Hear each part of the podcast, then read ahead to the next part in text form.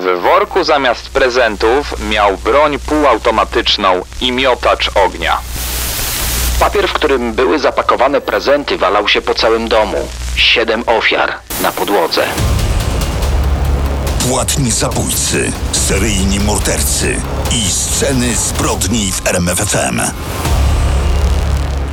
Sceny zbrodni powracają tradycyjnie. Kamil Barnowski. I Daniel Dyk, witamy bardzo serdecznie w ten mikołajowo-prezentowo noworoczny czas.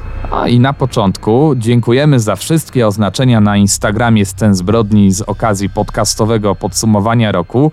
I uwaga, Daniel, rekordzistka słuchała naszego podcastu przez 98 godzin. Wyobrażasz to sobie? No nie wyobrażam sobie, y, żeby tyle biegać. Ja podcastu Scen Zbrodni słucham zwykle robiąc rundkę po osiedlu, więc no naprawdę, to jest wyczyn. No, nie wiem, czy nasza słuchaczka biegała, ale do tych 98 godzin dodajemy no kolejne pół godzinki. Czas na podcast pod tytułem Morderczy Mikołaj. Przy okazji naszej słuchaczce gratulujemy kondycji, jakby co, a pół godziny, no to już by też kolejną rundkę po osiedlu mógł spokojnie zrobić. Daniel Dyk i Kamil Barnowski prezentują Sceny zbrodni w RMFFM.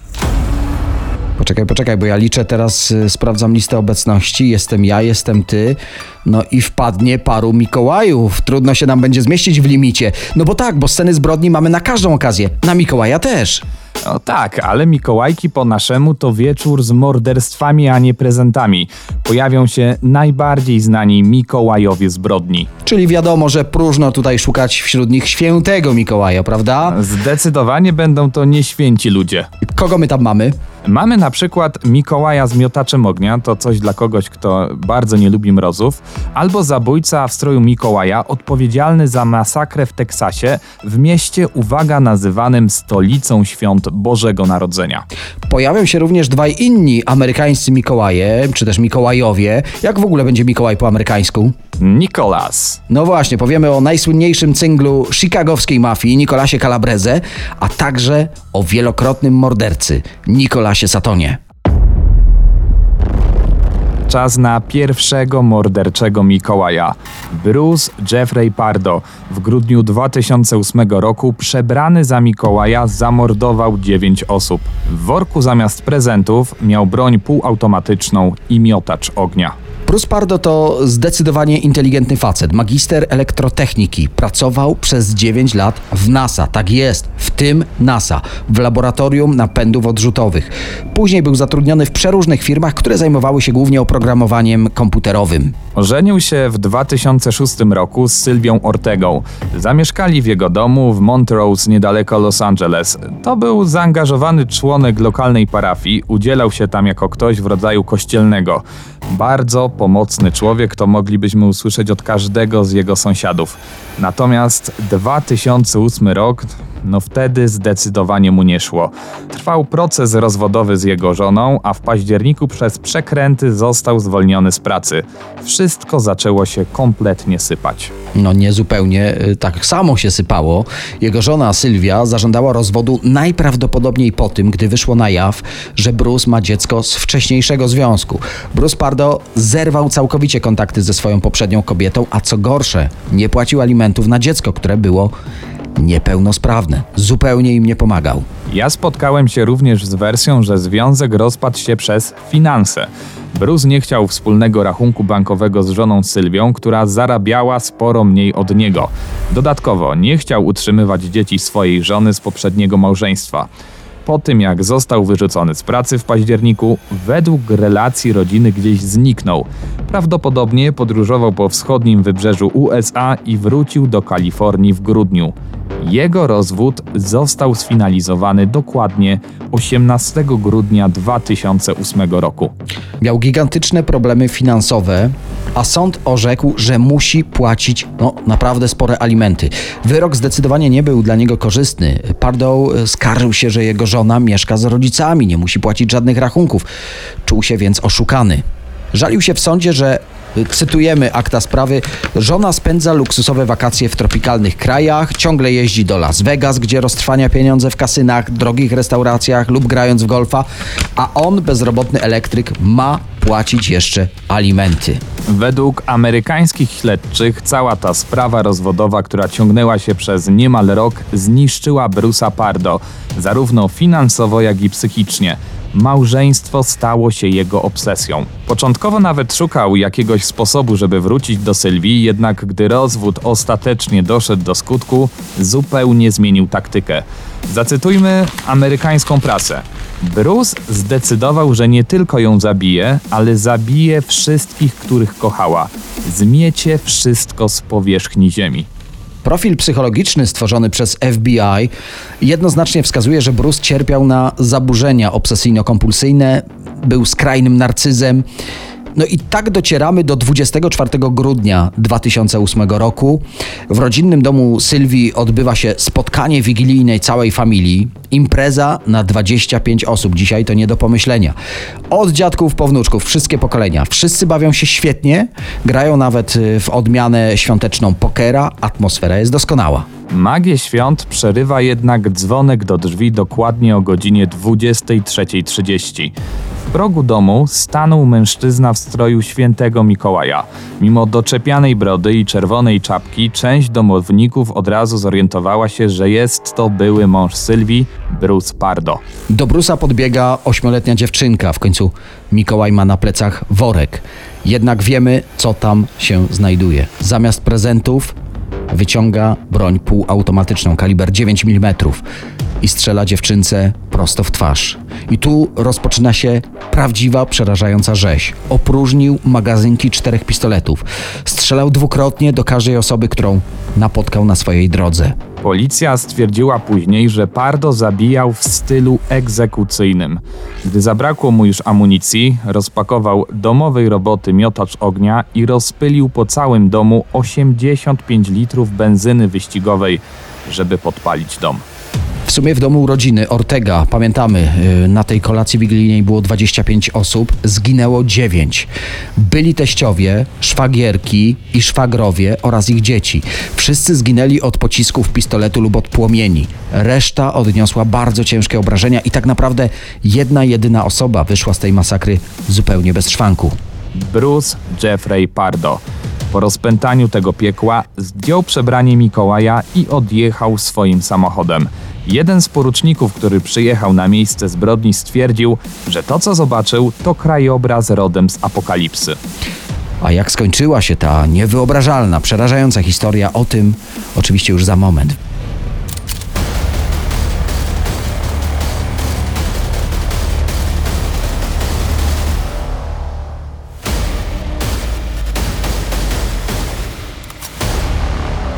No i rozpoczęliśmy od tego, który pojawił się na Wigilii 2008 roku u swojej byłej żony. Bruce Pardow zamordował swoją byłą, która rozwiodła się z nim 6 dni wcześniej.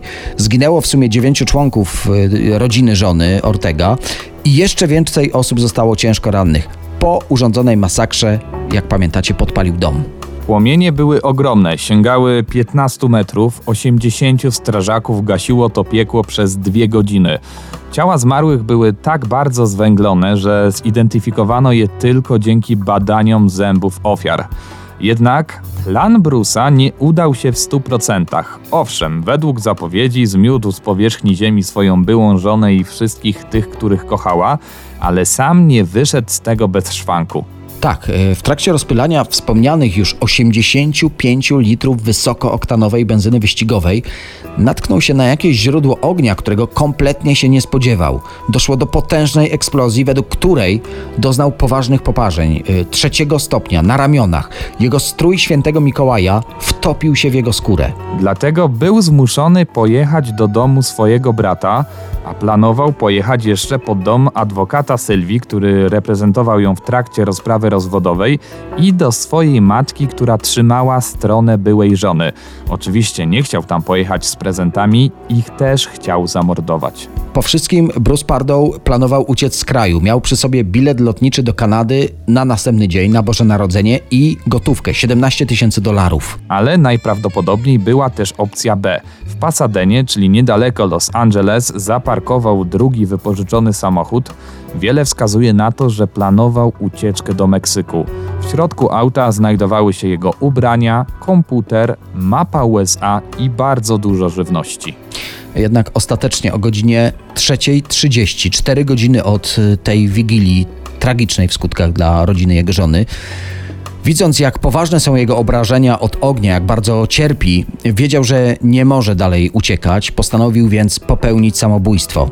Strzał z pistoletu kaliber 9 mm trafił prosto w głowę 45-letniego Bruce'a Pardow. Policja, która przyjechała na miejsce, zauważyła, że Bruce owinął się kablem poprowadzonym prosto do samochodu. Gdyby tylko ktoś próbował go ruszyć, wtedy uruchomi się przełącznik, który odpali flarę w aucie. Aucie wypełnionym po brzegi amunicją i materiałami wybuchowymi.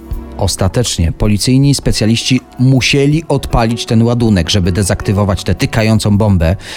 No nawet po śmierci Bruce Pardo chciał unicestwić absolutnie wszystko. Przeszukanie posiadłości Pardow w Montrose pokazało, że miał tam cały arsenał broni i prawdziwą fabrykę bomb. Wszyscy zastanawiali się, skąd te militarne umiejętności Bruce'a, podkreślamy, człowieka, który nie był w wojsku. Skąd te umiejętności, niestety nie odpowiemy Wam dzisiaj na to pytanie. Bruce Pardo w Wigilię 2008 roku zamordował 9 osób, a jeszcze więcej ranił. Wspominaliśmy, że był kościelnym w swojej parafii. Jak zeznali jego znajomi, wszyscy byli bardzo zdziwieni, dlaczego nie przyszedł na uroczystą pasterkę. Zacytujmy jeszcze jedną ze znajomych Bruce'a Pardo. Był po prostu najmilszym facetem na świecie. Zrobiłby wszystko dla kościoła. Na koniec tej historii warto wrócić, myślę, jeszcze do dziecka, które jako pierwsze na widok Mikołaja wchodzącego do domu podbiegło do, do Bruce'a Pardo. Pamiętamy, postrzelił je wchodząc do domu swojej byłej żony. Była to mała Katrin, która przeżyła strzał prosto w twarz. Posłuchajcie, bo to jest naprawdę niewyobrażalne. Kula przeszła przez górną wargę i szczękę. Po kilku operacjach udało się ją całkowicie wyleczyć. W wywiadzie z 2015 roku Katrin mówiła, że jest uczennicą liceum, chce pójść na Harvard i uwielbia grać w softball. Czas na kolejną historię morderczego Mikołaja, tym razem 25 grudnia 2011 roku. Miasteczko Grapevine w Teksasie, nazywane w tym stanie stolicą świąt Bożego Narodzenia. W tej historii będzie to brzmiało naprawdę sarkastycznie. Właśnie w tym sielskim miejscu rozegrała się tragedia, w której finalnie życie straciło 7 osób. Sprawa y, bardzo podobna do poprzedniego przypadku, tyle że to już nie była Wigilia, a był to bożonarodzeniowy poranek, kiedy to Amerykanie odpakowują prezenty. Aziz Bob Jazdan Panach w przebraniu świętego Mikołaja przyszedł do domu swojej żony, Fatemech, z którą był w separacji. W trakcie otwierania prezentów wyciągnął broń i zamordował właśnie byłą żonę, dwójkę swoich dzieci, szwagierkę wraz z jej mężem i ich córką. Do każdej z tych osób strzelił co najmniej raz. Po egzekucji sam popełnił samobójstwo. Dokładnie o 11.30 policjanci weszli do domu i zastali przerażający widok. Telewizor był włączony, papier, w którym były zapakowane te prezenty, walał się po całym domu. Siedem ofiar na podłodze, jedna ubrana w piżamie. Przy ciałach znaleziono jeszcze dwa pistolety. Masowe morderstwo na przedmieściach Dallas w stolicy świąt Bożego Narodzenia. No właśnie, w tamte święta to był temat numer jeden w Stanach Zjednoczonych. Wszyscy zastanawiali się, dlaczego ten 56-letni Aziz po ponad 20 latach, jak się wydawało, szczęśliwego małżeństwa, posunął się do czegoś tak niewyobrażalnego. Tak naprawdę w tym wypadku możemy posługiwać się tylko jakimiś hipotezami. Jego małżeństwo rozpadło się w marcu 2011 roku. Wraz z mężem swojej szwagierki panowie wyjeżdżali na weekendy trakcie tych wypadów zdradzali swoje żony, jednak wspomniany mąż szwagierki mówił tylko o wybrykach Aziza, tuszując swoje winy. Tym samym, gdy informacja taka nie do końca przyjemna dotarła do jego żony, ta, co naturalne, zażądała rozwodu. Inne światło na tę sprawę rzuca fakt, że Aziz stracił pracę. Kiedyś był specjalistą od nieruchomości, zarabiał całkiem nieźle, ale później nie miał pieniędzy na utrzymanie domu i swojej rodziny. Gdy jego żona wyprowadzała się z ich mieszkania, przez niezapłacone rachunki w domu już nie było prądu, nie było bieżącej wody, ostatecznie bank przejął jego posiadłość. Podsumowując jego sytuację: zdrada, utrata pracy, żona, która zabrała ze sobą dzieci, plus sprawa rozwodowa to wszystko sprawiło, że zaczął tracić kontrolę nad rzeczywistością. A według znajomych rodziny, Aziz miał szczególne problemy ze swoją szwagierką, która przeszkadzała mu w małżeństwie. Jak sądził, manipulowała jego żoną, manipulowała jego dziećmi, przedstawiając go jako tego złego. Aziz, żeby wyjść na prostą, zaczął nawet pracować na dwa etaty, ale coś w nim pękło, gdy wspomniana szwagierka nie zaprosiła go na kolację wigilijną. Tam była cała jego rodzina, a on nie był tam mile widziany. Bardzo mu na tym przyjęciu zależało. To prawdopodobnie wtedy w jego głowie zrodził się chory plan zamordowania całej rodziny. Jak wspomina jeden ze znajomych Aziza, poczuł się tak, jakby zabrali mu najbliższych i to uraziło jego dumę. Policyjne śledztwo wykazało, że o 11.13, dosłownie chwilę przed tym masowym morderstwem, córka szwagierki Aziza, czyli Sara, wysłała wiadomość do swojego chłopaka o takiej treści. Wujek przebrał się za Mikołaja. Czy to nie wspaniałe?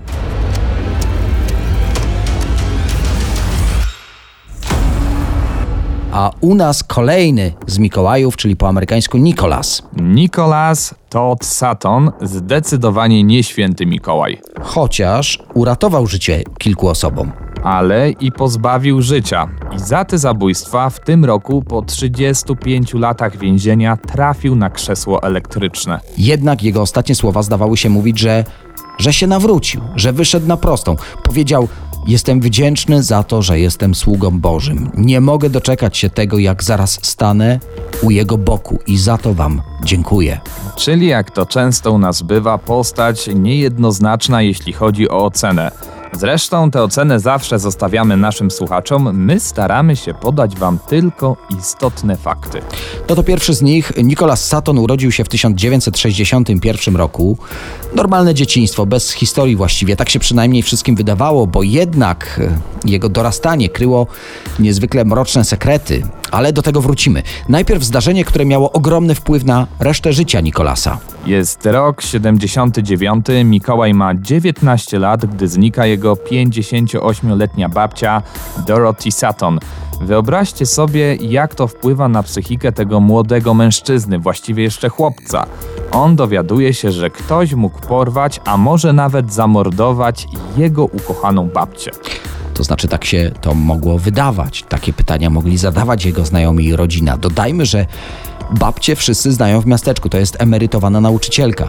Jednak śledztwo wykazało, że Nikolas o morderstwie babci wiedział wcześniej niż inni. Mówiąc wprost, to on ją zabił. i postarał się, żeby sprawa się nie wydała. Najpierw ogłuszył babcię, nieprzytomną owinął w plastikowe worki, następnie związał łańcuchem, aby nie mogła się oswobodzić. A do tego łańcucha przywiązał blok betonu. Niektórzy nasi słuchacze już się domyślają, po co to zrobił.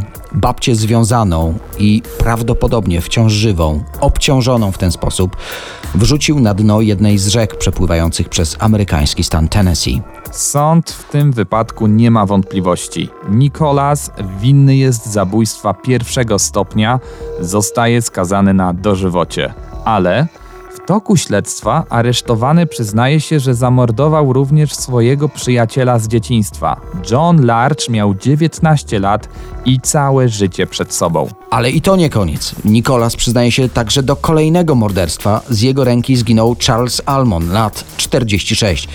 Przyznał, że obu zabił, żeby zdobyć pieniądze na narkotyki. Był w cugu uzależnienia. Za te trzy zbrodnie sąd skazuje Nikolasa na dwa dożywocia. W prasie oczywiście komentarze typu 19-letni chłopak, na wskroś zły, trafia za kratki. Nigdy nie opuści murów więzienia. Właśnie, na wskroś zły, a jednak za murami przechodzi niezwykłą metamorfozę, ale też za murami popełnił kolejną zbrodnię i to taką, po której sąd skazuje go na karę śmierci. I o tym za moment w scenach zbrodni w radiu RMFFM.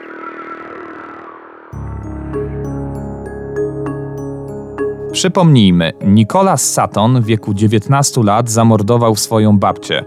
Przyznaje się także do zamordowania przyjaciela z dzieciństwa i jeszcze jednego mężczyzny, by zdobyć pieniądze na narkotyki. Resztę życia z wyrokiem podwójnego dożywocia ma spędzić za kratami. No i tutaj przechodzi metamorfozę. A mówimy to w oparciu o informacje strażników więziennych. Troje z nich, zupełnie niezależnie, twierdzi wręcz, że Sutton uratował im życie. Tony Iden wspomina więzienny bunt w 1985 roku. Grupa pięciu osadzonych, uzbrojonych w noże i inną broń, otoczyła mnie i zamierzała wziąć jako zakładnika. Wtedy Nick z jeszcze jednym więźniem się im postawili, wyciągnęli mnie i eskortowali w bezpieczne miejsce. Zawdzięczam im zdecydowanie życie. Z kolei Cheryl Donaldson, kierownik więzienia, opowiada, jak w trakcie służby pośliznęła się i upadła. Jeden z więźniów próbował wykorzystać sytuację, chciał zabrać jej klucze do cel, chciał wziąć też krótkofalówkę. No nie wiadomo, jak to by się dla niej skończyło, ale wtedy wkroczył Nick, odebrał mu sprzęt, ją postawił na nogi i jeszcze wezwał strażników, by jej pomogli. No i jest jeszcze strażnik, który wspomina rok 79, kiedy jeden z więźniów zaszedł go od tyłu i próbował uderzyć go w tył głowy. Wtedy Nick powstrzymał ten atak. No i tu powinniśmy skoczyć do roku 85. Nikolas od pięciu lat siedzi w więzieniu. Radzi sobie jak umie, rozprowadza po więzieniu narkotyki, ale i tam jest konkurencja. Jeden z więźniów, który również handluje prochami, grozi Nikowi. Planuje zamordować go nożem, jak pochwalił się innym więźniom, nożem, który przechowuje w skrytości w swojej celi. I rzeczywiście, strażnik w jednej celi znajduje zamordowanego więźnia. Zadano mu 38 dźgnięć nożem, ale nie był to Nick, to właśnie ten konkurencyjny dealer, który groził Nikolasowi. Karl Istep, skazany za gwałt nad dzieckiem, zginął w myśl zasady zabij albo zostaniesz zabity. Tak, Nick Sutton po prostu uprzedził swojego zabójcę. On żyje, ale jego sytuacja wygląda paskudnie. Już ma przecież podwójne dożywocie. Po tym morderstwie w więzieniu sąd skazuje go na karę śmierci. Dodajmy, że pomagał mu w tym zabójstwie jeszcze jeden więzień. On miał niższy wyrok, ale po tym zabójstwie skazano go na dożywocie.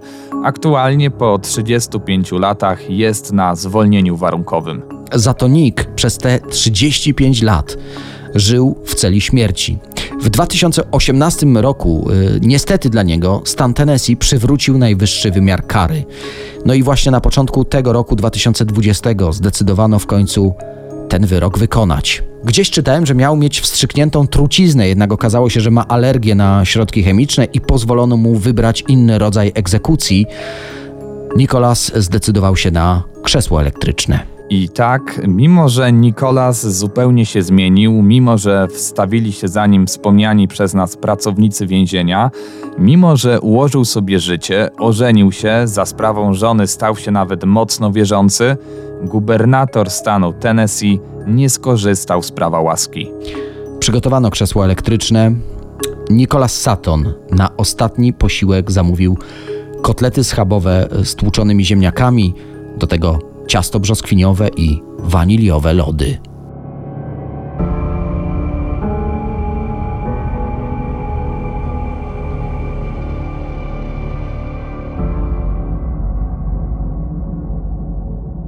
Nicolas Calabrese urodził się w 1942 roku w Chicago, należał do tamtejszej mafii i jako pierwszy w jej historii zdecydował się zeznawać przeciwko niej. Jego zeznania doprowadziły do skazania jej wysoko postawionych członków. Wśród nich jest jeden z szefów, James Marcello, zwany Małym Jimmym. Był też słynny kolsiniere John Clown, czyli doradca bossa Joseph Lombardo. Skazany został również brat Nicolasa, czyli Frank Calabrese, bardzo wysoko postawiony w mafijnej hierarchii. Bracia Calabrese przeciwko sobie. Jak do tego doszło? Y, zaczynali przecież tak typowo. Właściwie od dziecka pracowali w Chicago, sprzedawali w kiosku, później ich drogi się rozeszły. Nikolas trafił na wojnę do Wietnamu, później łapał się dorywczych prac w budowlance, które pozwalały mu jakoś wiązać koniec z końcem. Założył także restaurację. A Frank? Frank został żołnierzem w chicagowskiej mafii i wiódł no, więcej niż dostatnie życie. W końcu Frank namówił swojego brata Nika, by pomógł mu w drobnych mafijnych zleceniach. Głównie chodziło o odbieranie zaległości, nazwijmy to, pożyczkobiorców. Dodajmy jeszcze, że mafia miała atrakcyjnie oprocentowane kredyty 10%, ale 10% tygodniowo. No to rzeczywiście atrakcyjne oprocentowanie dla mafii oczywiście. Jak się domyślacie, nie wszyscy potrafili to spłacić. Nie zawsze też pomagały groźby braci Calabrese czy zastraszanie, a nawet y, przemoc nie pomagała. Musieli posuwać się do drastyczniejszych metod i karać co niektórych ostatecznie, po prostu dla przykładu. Oczywiście taka działalność nie mogła przejść niezauważona. Co jakiś czas trafiali do więzienia, ale z reguły bez dowodów na te najcięższe zbrodnie, więc dostawali zwykle krótsze wyroki. Za którymś razem w końcu śledczy zebrali niezbite dowody, że Nikolas był zamieszany w zabójstwo. Na miejscu zbrodni zgubił zakrwawioną rękawiczkę zawierającą jego DNA. Poszedł więc na współpracę. W 2007 roku Nicolas Calabrese jako chroniony świadek przyznał się do popełnienia morderstwa. Opowiedział, kto był wtedy z nim i kto morderstwo zlecił. A później opowiedział o kolejnych i kolejnych i kolejnych. Przyznał się w sumie do 14 zabójstw na zlecenie swoich mafijnych przełożonych. Wiele z jego zbrodni uległo przedawnieniu, ale pozostałe gwarantowały mu dożywocie. Zamiast tego, w podziękowaniu za współpracę, Prokurator federalny domagał się wyjątkowo łagodnej kary. W 2009 roku sąd skazał już 67-letniego Nikolasa na 12,5 roku więzienia. A mógł mieć dożywocie. No, można się zastanawiać, czy nie na jedno wyszło, bo przecież nawet jeśli Nikolas doczeka końca kary, to przecież będzie musiał ukrywać się przed zemstą mafiozów, a tego nie można nazwać przecież wolnością. Tak, organizacja ta nigdy nie wybacza. Dlaczego więc zdecydował się wydać rodzinę, tę mafijną, ale i tę swoją prawdziwą rodzinę? Zacytujmy słowa, jakie Nicolas Calabrese wypowiedział zeznając: Nie mogę cofnąć tego, co zrobiłem, ale stałem się zupełnie innym człowiekiem. No i udowodniłem, że rzeczywiście słuchając tego podcastu Scen Zbrodni można zrobić rundę po osiedlu, ale ja mam naprawdę małe osiedle. A ja teraz się zastanawiam, czy przyszedł do nas Mikołaj. Jak coś, to możecie pochwalić się swoimi prezentami, oznaczając sceny zbrodni. No do nas z Danielem ten Mikołaj tak przyszedł, że tak powiem, średnio. Przyszedł, ale zawsze coś chciał, nigdy nie chciał niczego nam zostawić. Może w przyszłym roku będziemy po prostu grzeczniejsi. Może spróbujemy to nawet obiecać. Daniel Dyk?